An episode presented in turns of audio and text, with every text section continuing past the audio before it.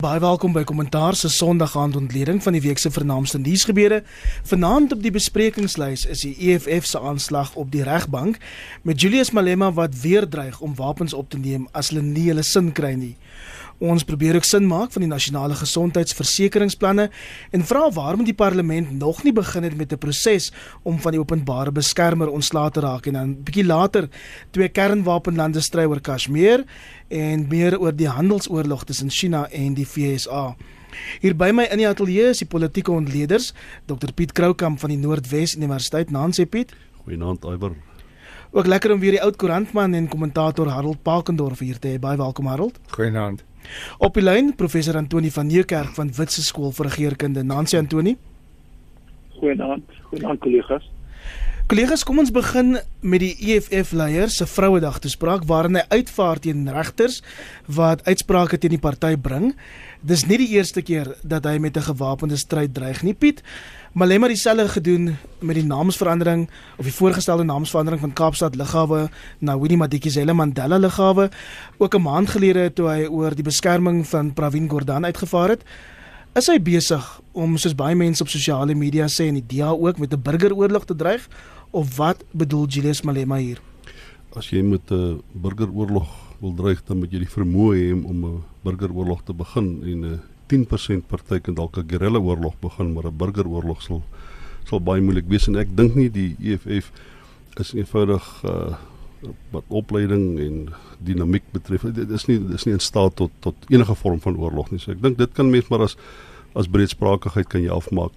Vir my is die groot vraag en soos jy gesê het, hy het baie oor die regters te sê, hy het baie oor die oor die president te sê en altyd in 'n ekstreme vorm. Nou 'n uh, oud regter, oud grondwetregter uh, Laurie Ackerman het altyd gesê uh, if you keep on overstating your cause you actually undermining it. Vir my sal altyd die vraag wees in die toekoms, wat is die nagevolge, die konsekwensies van hierdie na-verkiesing word dit meer as ooit tevore. Wat is die gevolge vir die EFF uh sê net maar by hulle steenbasis en wat persepsies betref?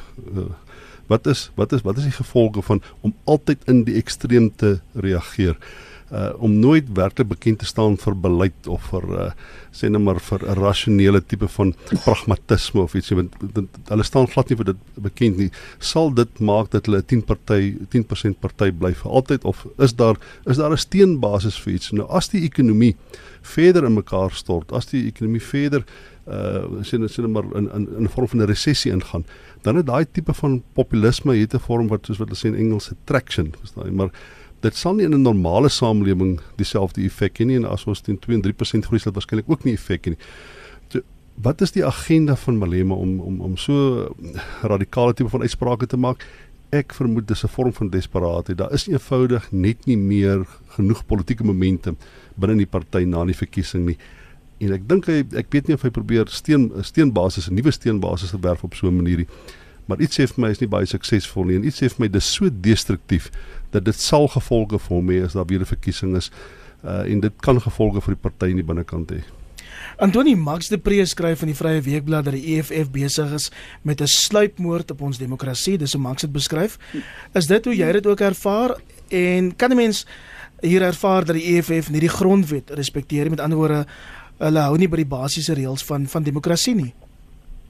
Ja, uh, ek ek het twee opmerkings om te maak. Die, die eerste een is dit lyk vir my dat Malema en sy luitenante Flotje Wambo uh in die Iceboy, is dit P-boy, Iceboy. Iceboy. En Iceboy, ja, ek weet nie hoe dit met vertaal in Afrikaans nie. Die idee dat hy soort van amptenare in die party het rondom hom wat hom soort van bedien met hand en tand. Uh dat dat Julius en sy luitenante die regsbank teiken omdat hulle vermoed dat die regs dat die reg teen hulle gaan draai op een of ander stadium. En hulle maak voorbrand vir daai dag wat hulle self in die spervuur gaan kom as dit kom by uh politieke uh, skenkings uh uh donateurs die mense in die in die onwettige sigaretbedryf wat uh vir die EFF uh gehelp het om te kom waar hulle nou is uh die tipe van ehm um, ondemokratiese maniere wat hulle gebruik om die media en joernaliste by te kom. Ek het so 'n idee dat uh in dis soos wat Piet nou uitwys in desperaatheid mag hierdie gety teen hulle draai. En Julius is met is op 'n onbetaamlike en 'n ondemokratiese manier besig om vir die uh die regsbank of regters 'n vinger te wys en ek dink dit is 'n baie gevaarlike spel wat hy speel. Die tweede opmerking wat ek wil maak is mens moet jouself afvra wat is die langtermynstrategie? Wat is die endgame? Waarna toe wil die EFF beweeg? Wat het hulle in gedagte? Waar wil hulle uiteindelik uitkom? En uh, uh ons ons weet almal dat dit 'n 'n 10% party is wat min of meer 'n plafon bereik hier nie meer as 15% enigsins in die toekoms nie. So hulle gaan geen kans om die regering van die dag oor te neem nie. Uh, die beste wat hulle kan doen is om uh, in koalisies met uh, oppositiepartye hier en daar in die land um, te probeer regeer. Maar meer as dit kan ek nie sien wat hulle wil regkry nie.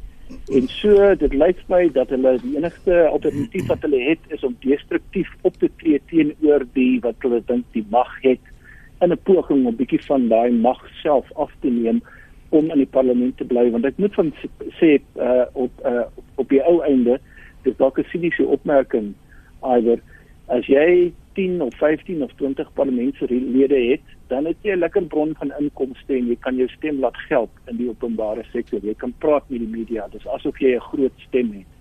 En ek wonder of daar enigsins iets agter uh, uh, meer as dit vir die EFF in die toekoms wag. Ek hoor wat julle sê is net 'n 10% 10% party wat is nog steeds 10% is en ons weet dat Malema sedert 2014 'n lid is van die regterlike dienste kommissie, so mense sou kon aanvaar dat hy min of meer iets weet van die regstelsel. Ehm um, moet 'n mens ter wille van regverdigheid nie ook bietjie van die standpunt oorweeg nie as hy sê ons sit met 'n probleem met vroueregters wat bang is vir manlike politici. Ek twyfel of dit waar is, maar moet mense ten minste net die standpunt oorweeg nie, Harold? Ek het pas oorweeg en ek dink dit is twak. Uh, ek, ek ek ek herinner jy aan wat sy advokaat oor hom gesê het in die hof. Moenie die woorde letterlik opneem wat Julius wil net maar uiter nie. Hy is maar so beeldsprakerig. Bedoel kan absoluut niks sê iemand dreig nie. Ek dink baie van die ander dinge wat hy sê beteken ook absoluut niks sê. Wat ons hier sien uh, is benoude boude. As jy kyk na die afgelope 10 dae se tussenverkiesing uitslaa, uh, bly hulle maar omtrent waar hulle was die EFF. Jy kan sien die Vryheidsfront styg 'n bietjie, die DA daal 'n bietjie, die ANC wel. Hulle so verdeel nou.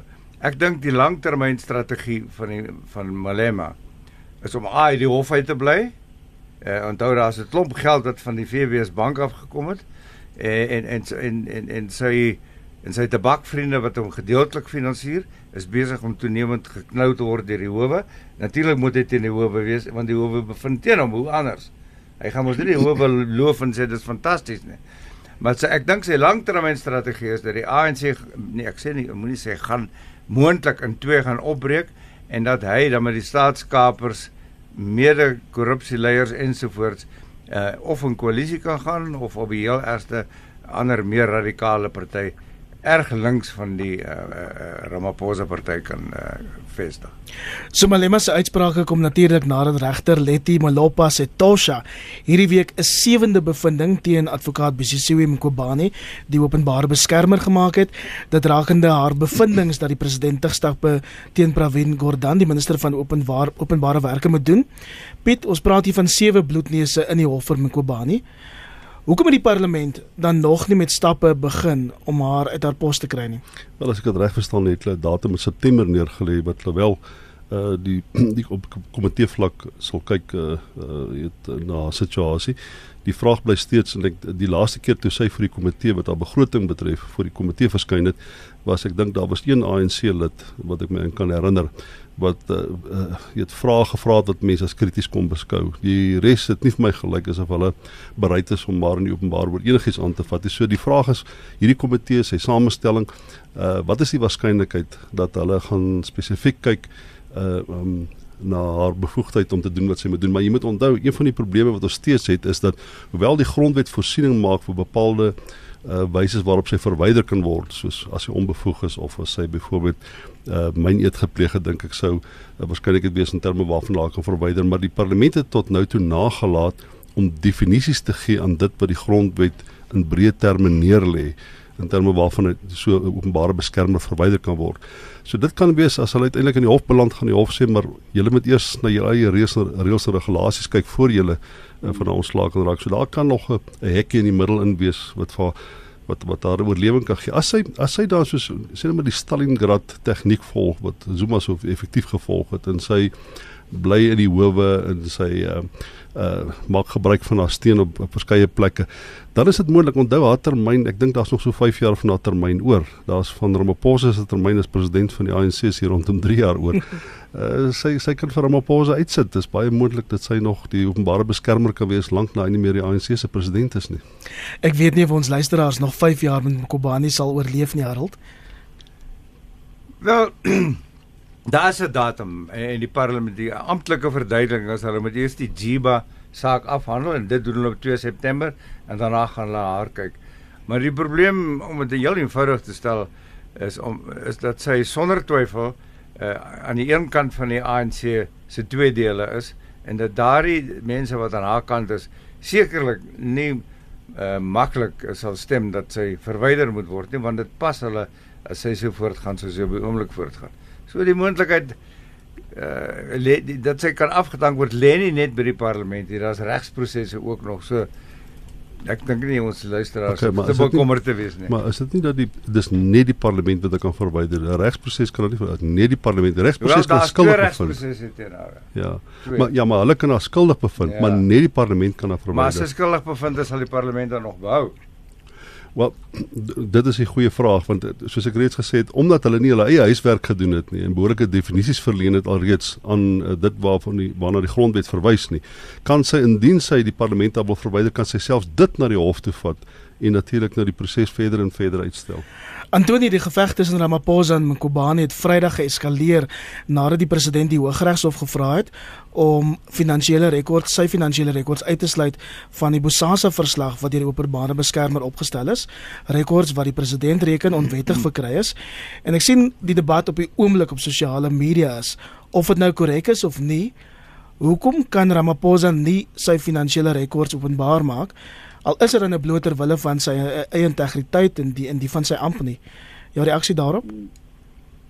Ja, weet jy, uh, toe ek nou hoor dat eh uh, Ramaphosa se regspan wil hê dat die rekord sogenaamd verseël moet word of weggesteek moet word of onder die emmer gehou moet word. Dis slaan ek my hande saam want ek het gedink uh, enige ondersoekende joernalis vir al die mense wat die storie lyn dryf dat eh uh, dat die CR 17 kampanje onbehoorlik uh met geld bedien is gaan nou ekstra moet doen om uit te vind uh, wie eintlik die donateurs is. En wragtig vanoggend in een van die koerante en nou soos 'n veldbrand op die sosiale media sien ons uh 'n klomp name uh wat op pop. En nou verstaan 'n mens ook hoekom die die Ramaphosa span so versigtig is of 'n keer dat hierdie name sommer net lukraak uh na vore kom sonder om 'n bietjie konteks te gee want daar's name daar wat verbind word aan aan die Ramaphosa politiek en die en die en die aanbied van poste en die tipe van nepotisme wat mense vermoed uh die Ramaphosa span pleeg. Dis nie asof uh die CR17 kampanje die enigstes is wat uh hierdie tipe van ding gedoen het. Nie. Ons ons wag vir die nuus oor wie die donateurs was van die van die oppositiespan van Kossazana Dlamini Zuma destyds. Uh, maar dit lyk vir my asof Cyril hierdie ronde verloor het in die openbare oog alhoewel hy tegnies waarskynlik korrek kon gewees het. Ek wil vinnig 'n ding byvoeg uh, Iwer. Ek wonder of die of die toekoms van die openbare beskermer uh haar lot nie gaan lê in die in die mate waartoe Cyril sy posisie in die parlement kan versterk nie as hy dit gaan regkry om sy ondersteuners binne die ANC binne die caucus binne die parlement uh te laat wen en die die oppositie uh uh uh soort van bloedneus te slaan dan lyk dit vir my gaan daai komitee se dinamika dalk subtiel verander soveel so dat met openbare en uh uh uh, uh burgerlike samelewing ondersteuning uh dit kan lei tot haar verwydering uh voordat Cyril sy sy uh, amptetermyn verloor. Harold? Ek wil net een ding byvoeg en ek, ons moet baie versigtig wees. Ons ons moet standaarde moet dieselfde wees. of ons na Jacob Zuma kyk of Cyril Ramaphosa, ons moet dieselfde vraag vra. Daar's nie 'n ander stel uh, reëls vir Cyril net omdat sommige van ons meer van hom hou as van Jacob Zuma nie. En en dit is tog verstommend. Ek ek het verstaan dit is 440 miljoen rand, nou word sy neus net 400. Maar hoe ook al, dan die ander kant moes ten minste net soveel gehad het. 800 miljoen rand om om om om om 'n leier van 'n party te kies. Waar is daai 800 miljoen rand heen? Is dit dat jy kan nie soveel so baie partytjies hou en duur hotelle bly mense aanry nie. Waar is die geld heen? Dis mos 'n verskriklike tom geld. En die ander kant is natuurlik Nkosazana Dlamini Zuma, Zuma wat op daai stadium Ramaphosa se teenstander was.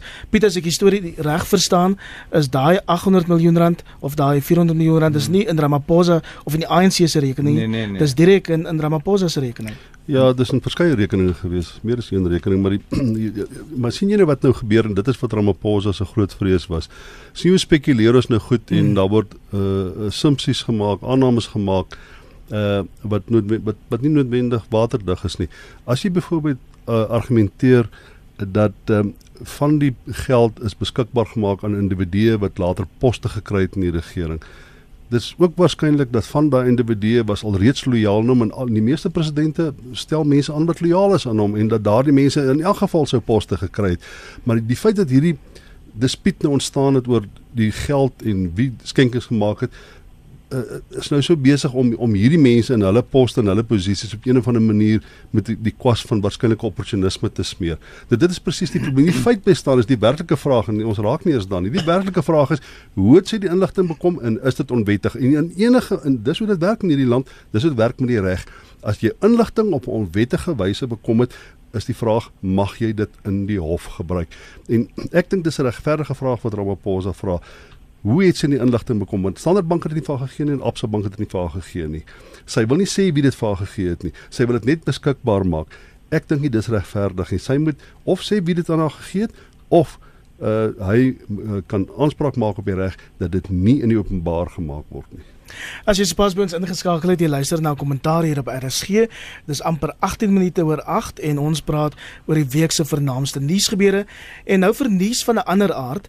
Die parlementêre portefeulje komitee vir gesondheid het die voorgestelde wetgewing vir nasionale gesondheidsversekering verwelkom. Die wetgewing het op papier ten doel om gelyke gesondheidsorg toegang vir alle Suid-Afrikaners te bied. Maar Harold, ehm um, dit klink dalk na 'n goeie ideaal soveel kinders, veral medisiewars, waarskynlik niks goed kan uit hierdie voorgestelde wetgewing kom nie. Waar lê die fout dan? Kyk, die doel is heeltemal verstaanbaar en reg en ons hoor dit almal te ondersteun. Almal behoort toegang te hê tot ordentlike gesondheidsorg. Dis nie 'n argument nie. Die vraag is of dit wat die regering doen reg is. Ek dink nie so nie, want hulle wil almal op 'n laer vlak inbring in plaas van die wat sukkel op die oomblik na beter vlak te bring. Dis my fundamentele verskil daarmee. Die ander een is daar's te veel voorskrif en te min keuse in daai ding. Jy sal nie kan gaan na 'n dokter van jou keuse nie. Jy gaan daar soos in Engeland. Vandag is dit dokter McCarthy, volgende week is dit dokter Johnson en daarna is dit dokter Brown. Uh en, en dis een van die groot probleme. Die ander een is uh watter soort medisyne voorgeskryf mag word, gaan ook voorgeskryf word. Maar goed, ons nog vroeg, dit gaan nie nou onmiddellik in werking gestel word nie. Ehm um, hulle sê dit gaan goedkoper wees. Ons sal sien of dit so is.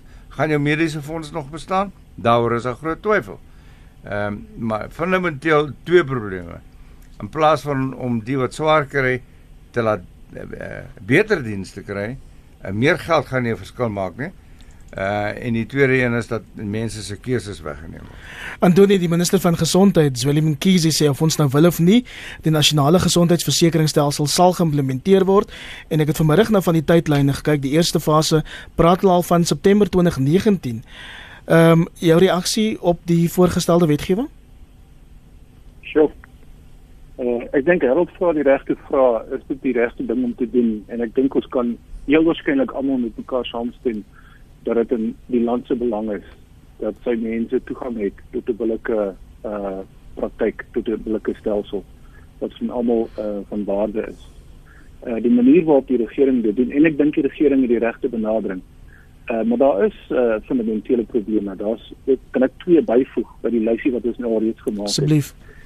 Uh die eerste een is die beleidsproses dink ek met met dalk heel moet heel waarskynlik meer robuus toegepas word. In ander woorde, die manier waarop jy beleid formuleer insluitende implementering, monitering, terugvoer en dan veral die befondsing daarvan. Het ons nou oor 25 jaar geleer is kompleks, ingewikkeld en moet die al die wat is 'n stakeholder die die deelnemers belanghebbendes ja belanghebbendes ja die belanghebbers by die by die projek uh uh insluit. Dis een van die redes hoekom die etel proses in Gauteng gefaal het is omdat belanghebbendes nie genoeg gekonsulteer is nie. En ek hoop daar Excuse, is Ekskuus ek jou onderbreek Antoni, daar's eintlik 'n hofsaak ja. wat jou weerspreek wat sê alle moontlike prosesse vir etol is gevolg. Daar's hofuitspraak, maar in elk geval. Ja, ons kan ons kan dalk later verder daaroor gesels. Daar's 'n rede hoekom die gemiddelde motorist nie wil betaal nie. maar, maar om terug te kom by hierdie gesondheidsorgstelsel, uh ek dink daar's genoeg mense in die regerende party wat besef dat as die die beleidsformuleringsproses nie meer versigtig bestuur word nie, gaan hierdie ding glad nie glad nie werk nie. En die die die die rooi lyn of die rooi vlag is weer eens soos die etol mense wat deel wat wat met baat van daarby gaan gewoon wegloop en dan kan jy nie 'n beleid aan die aan die land bekendstel as dit nie aantreklik is vir die meerderheid van die mense en hulle gaan gewoon nie ding boikot of saboteer of wegloop. Die groep die tweede groot probleem wat ek dink ons almal kan insien is het die staat die inherente vermoë om so ingewikkelde stelsel toe te pas. En ek, as jy kyk na die stand van die openbare uh, hospitale, klinieke, uh dienste wat gelewer word, dan dink ek is dit duidelik dat daar ongelooflik baie addisionele werk ge, uh, gedoen moet word en vermoëns en kapasiteit geskep moet word voordat so 'n gesondheidsorgstelsel uh kollektief uh op die been of in 'n lewe geroep kan word. Piet, kan ons die regering vertrou met 'n genasionaliseerde gesondheidstelsel? Nee, jy kan nie met 'n genasionaliseerde eh, gesondheidstelsel uh, vertrou nie, maar ek dink as daar 'n stelsel bestaan het en ek wil verwys na ek dink uh, Antonius reg wat beleid betref, uh, daar is voorskrifte, daar moet openbare um, ver, weet uh, verhore wees waar mense betrokke is en hulle sê sê oor oor oor, oor beleid wat geformuleer word, maar uh, daar's niks spesifieks in die wet wat die minister forceer om met die werklike uh belanghebbers te sit om 'n tafel en uiteindelik 'n besluit te neem wat in die algemene belang is nie. Uh die minister het die finale sê, die finale besluit en ek dink dit is wat verkeerd geloop het die laaste 25 jaar met die ANC. Die idee dat 'n minister weet alles en hy kan 'n finale besluit neem en hy kan dit implementeer, hy kan die agenda bepaal en die beleid bepaal en die wet bepaal. As daar 'n groter vorm van 'n agneming was van belanghebbers en die uiteindelik kon die minister sê man ek het nou met almal gepraat in Discovery of 'n uh, uh, Medihelp of wie ek kan sê ja nee ons het nou met die regering gepraat. Ons het noodwendig gekry wat ons wil hê nie maar ons dink dit wat, wat uiteindelik op die tafel is is die beste vir ons al weet in die algemene belang. Ons kan as 'n vorm van 'n kompromis kan ons daarmee saamgaan. Dan het ons waarskynlik 'n goeie gesondheidsorgplan gehad, maar dan het ons ook baie ander dinge gehad. Ons het 'n goeie Eskom gehad, ons het 'n goeie beleid gehad oor landbougrond, ons het 'n goeie beleid gehad oor oor uh, onderwys en opleiding dit is omdat wanneer dit gaan oor mag is die regering eenvoudig nie bereid om die mag van besluitneming te deel nie. En ek dink dis waar die waar die groot probleem gaan lê met hierdie gesondheidsorgplan. Nee, ons vertrou nie die regering nie. Die rede hoekom ons nie vertrou nie is omdat hulle besluit op hul eie neem en dit dikwels om ideologiese redes neem en in weerwil van wat ons noem best practice. En ek dink dis waar ons probleem lê. Ek wil net een sin byvoeg. Ja uh, dit gaan met die gesondheidssektor in Suid-Afrika wat die regering op die oomblik weer verby swak. Op grond waarvan sê jy dink dit sal beter word as daar meer geld inkom? Ja, Piet sê ons vertrou nie die regering nie. 'n Ander rede is natuurlik dat baie van ons bang is dat dit 'n nuwe golf van staat um, staatskaping sal kan skep, um, sodat korrupte amptenare die stelsel kan uitbuit daaroor. Ja, dit is altyd so. En en en daar gaan sekerlik 'n gedeelte daarvan wees. Maar ek dink daarom so stadig gaan begin die ding van staatskaping 'n slegte naam kry. Maar in alle state en alle regerings oral uh, is die wat mag het en die wat naby en die wat mag het sal 'n sal 'n ekstra koek kry van die van die van die bord. Jou jou groot probleem is daar is privaat gesondheidsorg in Suid-Afrika is uitstekende gehalte, dis wêreldklas gehalte. Die idee is dat die swak gesondheidsdiens wat bestaan, hoe verbeter jy dit sonder om die goeie uh, gehalte diens uh, te vernietig in die proses. Mm -hmm. Nou die minister dink dat Die rede hoekom daar swak gehalte mediese sorg is is omdat daar 'n monopolie van uh, gesondheidsorg bestaan onder 'n klompie ryk wit mense. Uh, ek ek weet nie hoe hy se by daai feite uitkom nie.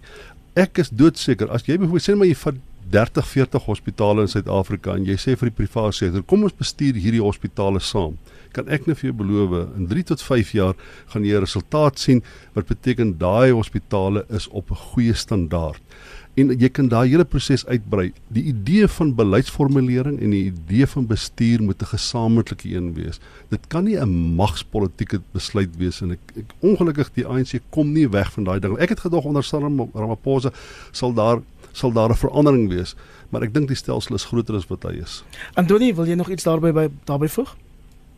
Ja, eh, ek ek wil vir sê Iwer dat ek begin dink dat hierdie groot openbare beleidsprojekte van die regering net kan slaag as hulle kan uitreik na die private sektor en die private sektor deelneem, 'n eh, deel maak van die proses van besluitneming en implementering en uitvoering en die ding wat daarna kom is monitering en terugvoering uh dit lyk my dit is uh die die die resep vir sukses met met grondhervorming in die toekoms van landbou en dieselfde met gesondheidsorg. As as as hierdie uh wat is 'n adversarial relationship as hierdie 'n verhouding van van spanning en konflik tussen die regerende party en die private sektor voortbestaan dan gaan hierdie groot skaalse projekte wat die land eintlik moet uh, bevoordeel nie van die van die grond af kom nie. Nie 'n enkele suksesvolle ekonomie in die wêreld kry jy hierdie spanning tussen die private sektor en die staat wat onophoudelik daar's geen einde insig nie. Eenvoudig net voortduur ten spyte van die feit dat dit nou al duidelik moet wees dat die enigste manier hoe die Suid-Afrikaanse ekonomie en wat ook al van hierdie megaprojekte wat ons wil bestuur moet 'n moet eh, dit moet 'n verhouding wees, 'n semiotiese verhouding tussen minstens twee komponente maar waarskynlik 'n hele hoeveelheid meer in die samelewing wees as ons dit suksesvol wil doen. Julle argumenteer rasioneel en julle vergeet dink ek een belangrike ding. Uh die ANC het 'n twee fase program in die langtermyn vir Suid-Afrika. Eers die politieke mag dan die ekonomiese en die maatskaplike mag. Ons is besig met die tweede en op die oomblik. Dis ideologiese besluite wat niks te doen het met enige van die ander goed nie. Dit beteken nie julle is verkeerd nie. Beteken dit kom die ANC sien dit nie. Ja maar ek dis vir my 'n vraag daai. Hoekom is dit so? Hoekom is dit so dat dit onmoontlik is om die regering te oortuig dat en en hulle moet tog dit hoor dikwels. Hoekom is dit onmoontlik om hulle te oortuig dat jy kan nie die land op ideologiese basis bestuur jy moet op 'n pragmatiese manier bestuur jy moet op 'n manier best practice weet 'n beste praktyk moet jy moet jy vaardig maak? Wat is dit in die ANC se DNA wat dit onmoontlik maak om hulle daarvan te oortuig ek dink dit by die ANC nie. Ek dink mense wat ideologies ingestel is maar moet 'n sekere mate van irrasionaliteit by wees. Ek dink dit ja, is aangebou Harold Harold maar as jy reg is hoe verklaar jy dit dan dat Jacob Zuma onder sy presidentskap het uh, het die nasionale ontwikkelingsplan van die been af gekom en daar was 'n kommissie gewees wat 'n ondersoek gedoen het oor wat die werklike probleme van die land is. 18 of 16 kommissarisse is aangestel. Dit was uh, dit is die beste voorbeeld wat ek vir my studente in die klas kan aanbied van rasionele besluitneming. Ja maar kyk goeie mense en skerp mense en daar was niks verkeerd met die verslag nie en met die projek wat daar begin is nie. Daar is 'n mate van rasionele denke binne in die ANC. Die die hmm. lesing wat jy gebruik wat sê almal is ideologies, uh, jy weet, gedrewe, is dalom te hoog. Nou kyk, goed, die nasionale ontwikkelingsplan is 'n goeie voorbeeld, maar hy word nie aangestel nie. En daarom is daar verlede week weer na hom gekyk. Presies. Dis rasionele besluitneming. Nou, hoeveel jaar? Kollegas, ons gaan met aanbeweeg na nuus uit die buiteland en president Donald Trump het die naweek gesê dat die FSA nie gereed is om handelsooreenkomste met China te sluit nie. Dit sou natuurlik verdere onsekerheid op Wall Street en die Chinese geldeenheid is op sy laagste vlakke sedert April 2008. Antoni, wat is die jongste op die oomblik? Dit is 'n voortdurende uh, stryd tussen die twee groot moondhede wat ek dink niks niks goeds beteken vir die internasionale uh, ekonomie en handel nie. En uh, ons wat aan die aan die buitekant staan en inkyk wat maar kleiner ekonomie het uh, gaan lei hieronder of lei reeds hieronder in terme van die waarde van die rand. Uh, ek dink wat aan die gang is hierso is 'n uh, poging van Amerika onder Trump. Uh maar hy is nie die enigste president nie en hy is ook nie uh van plan om vinnig te verdwyn nie om Amerika se se se tanende uh, invloed en mag internasionaal weer aan die gang te kry en seker te maak dat Amerika die die die wêreldmoondheid bly wat hy destyds was. En uh een van die vyande wat die Trump administrasie geïdentifiseer het is is China en dit gaan juis oor ekonomiese verhoudinge. En hulle blameer China vir uh, onbetaamlike gedrag as dit kom by internasionale handel. Hulle steel byvoorbeeld idees en dan maak hulle dit goed, voer dit maak dit goedkoper elders. Daar's baie voorbeelde daarvan. Uh maar dit is ook moeilik vir enige land, selfs 'n groot moondheid soos Amerika om uit te voer na China sonder om dan uh, te bestaan te kom teen allerlei voorskrifte wat dit moeilik maak om dan geld te maak. So die Amerikaners het jy waarskynlik 'n paar goeie redes om die Chinese by te kom, maar hierdie tipe van handelsoorlog tariewe wat uh, wederzijds gehef word, beteken dat dit 'n spiraal is wat dit wat draai wat dit al hoe moeiliker maak vir uh billike handelsuitvoere en dit lyk vir my dat onder Trump en Xi Jinping homself die Chinese uh uh leier hierdie uh voortdurende handelsoorlog nie vinnig tot einde gaan kom nie. Uh dit laat 'n klomp mense net knyk, jy weet, want uh die Europese Unie byvoorbeeld wat 'n baie groot handelsverloot is van beide. Ek weet nie wat 'n posisie om in te neem nie. En dit raak ook moeilik vir lande soos Suid-Afrika want ons kan nie die Amerikaners vermy nie want dit is inderdaad een van ons grootste handelsvernote en Trump sê Trump is 'n boelie. So hy sê vir ander mense dis my posisie teenoor China. Jy moet met my saamstem. As jy met my verskil dan sal ek selfs tariewe op jou hê of dit vir jou moeiliker maak om deel te neem aan die internasionale handelsbedryf. So ons is eintlik in die moeilikheid Piet, dit is vir my moeilik om om self uit te pleis wie die groot wenner in hierdie handelsoorlog is. Want die Trump administrasie het alreeds begin om hulle boere groot subsidies te betaal want daar's 'n uh, dit, dit is 'n uh, landbou was 'n groot uitvoer uh, na na China toe en ek dink uh, verskeie ander industrieë sal met subsidies begin betaal.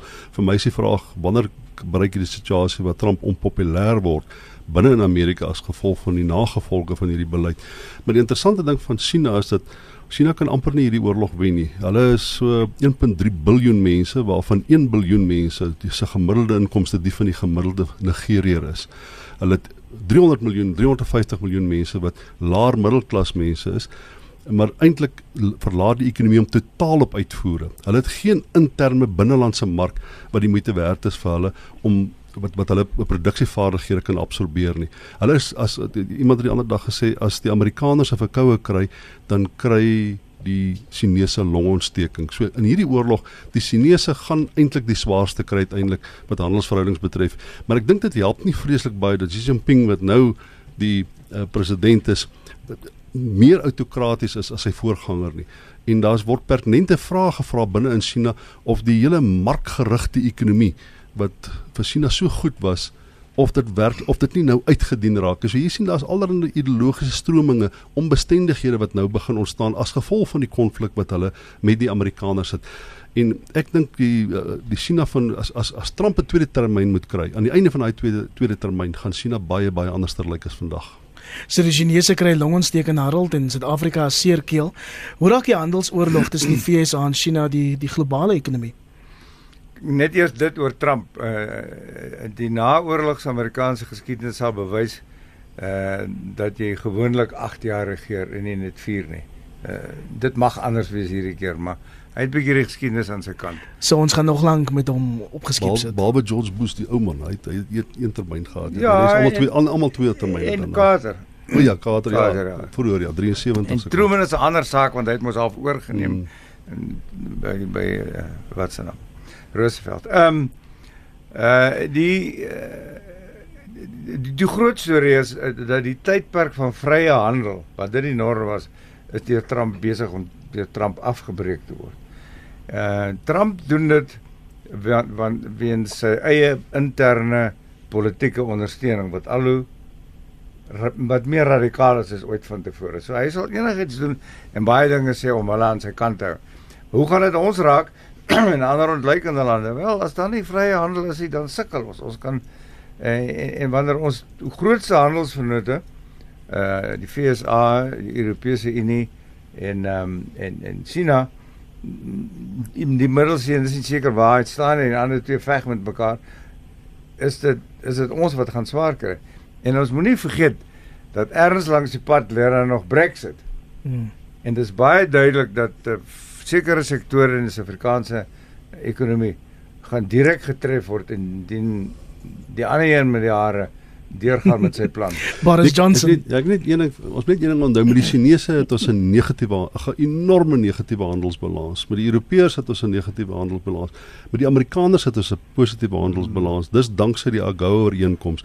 Maar in daai AGOA ooreenkoms staan daar so 'n enkele sinnetjie daar dat die president van die FSA kan arbitrêr elke jaar besluit om lande in te sluit of uit te sluit by daai ooreenkoms.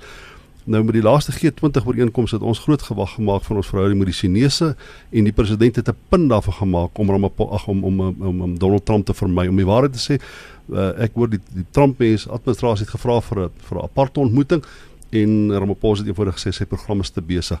As Donald Trump herinner daaraan word dat in daai ou ou ooreenkoms kan hy met 'n pen handtekening kan hy verwyder uh het ons groot groot moeilikheid. Daar's 'n arbitreëre syfer wat gekoppel word aan die voordeel wat dit vir ons inhou. Ek het nie die navorsing gesien nie, maar daar's 'n arbitreëre syfer wat sê rondom 100 000 mense in Suid-Afrika werk danksy die AGOA ooreenkoms.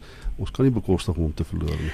Voor ons begin groet, die Indiese regering het die week omstrede skuif gemaak om Kashmir se mag te benut wat moontlik onder is een van die wêreld se gevaarlikste kern ehm um, vlampunte aan die brand kan steek. En Kashmir is sedert 1974 tussen Pakistan en Indië verdeel. En die twee lande het al twee keer daaroor oorlog gevoer. Maar Tony ek hoor nou al vra luisteraars vir my hoekom moet ons hier aan die suidpunt van Afrika omgee oor wat daar nie gebeur is? Ja, dis dis moeilik om te antwoord. Dit is eintlik maklik om te antwoord. Jy wil nie twee kern uh wapenlande in 'n konflik betrokke sien raak en dan uh uh behoede ons gebruik hulle selfs al is, is dit 'n taktiese kern plofkop want dit gaan dit gaan die internasionale politiek, die internasionale handel uh die wêreldorde so versteur dat dit 'n impak op ons gaan hê maar ek moet vinnig byvoeg dat dit nie uh, op die tafel is op die oomblik nie. Dis 'n histories dis dis 'n dis 'n probleem wat kom van die 40er jare af en die Britte het ook 'n hand hierin want hulle uh het was kolonies gehad en uh Indië en Pakistan is verdeel en die prins van Kashmir ehm uh, ek dink hy was 'n maharaja en moes besluit by watter kant hy wil inval en hy kon nie besluit wat om te doen nie toe sê die Pakistanis maar dis onsin en toe sê die Indiërs maar wag 'n bietjie die Chinese sit ook daarby want dis op die grens met China. En van daai tyd af het het Pakistan en Indië al drie keer oorlog gemaak teen mekaar om uit te werk. Wie kan daai strategiese dis amper soos 'n driehoek tussen China, Pakistan en Indië uh beheer. En dit kom nie tot 'n einde nie en uh, daar's 'n daar's 'n geloofs ehm uh, uh uh dinamika daarbey betrokke van moslems en hindus en dit lyk vir my die indiërs is besig om hulle hand te oorspeel hier want die pakistanis gaan na die verenigde nasie en hulle die chinese aan hulle kant ingetrek in die in die veiligheidsraad se argumente in. En ek wonder of hierdie hele ding nie dalk uh maar tot 'n stille stille einde gaan kom nie want die die die eindstryd is eintlik te groot om te begryp. 'n uh, uh, oorlog oor 'n bespied in uh, in daai naby Tibet. Niemand weet eintlik waar dit is nie, maar dit kan wêreldimplikasies hê. Op daardie noot gaan ons moet groet vanaand hier op kommentaar. Baie dankie aan die paneel. Professor Antoni van Heerkerk van Wits. Dankie Antoni. Dankie en goeienaand almal. Dr Piet Kroukamp van die Noordwes Universiteit te voorreg Piet. Rustig genoeg. En altyd 'n voorreg Harald Pakendorf. Goeienaand. My naam is Iver Price. Groetnis tot volgende Sondag aand.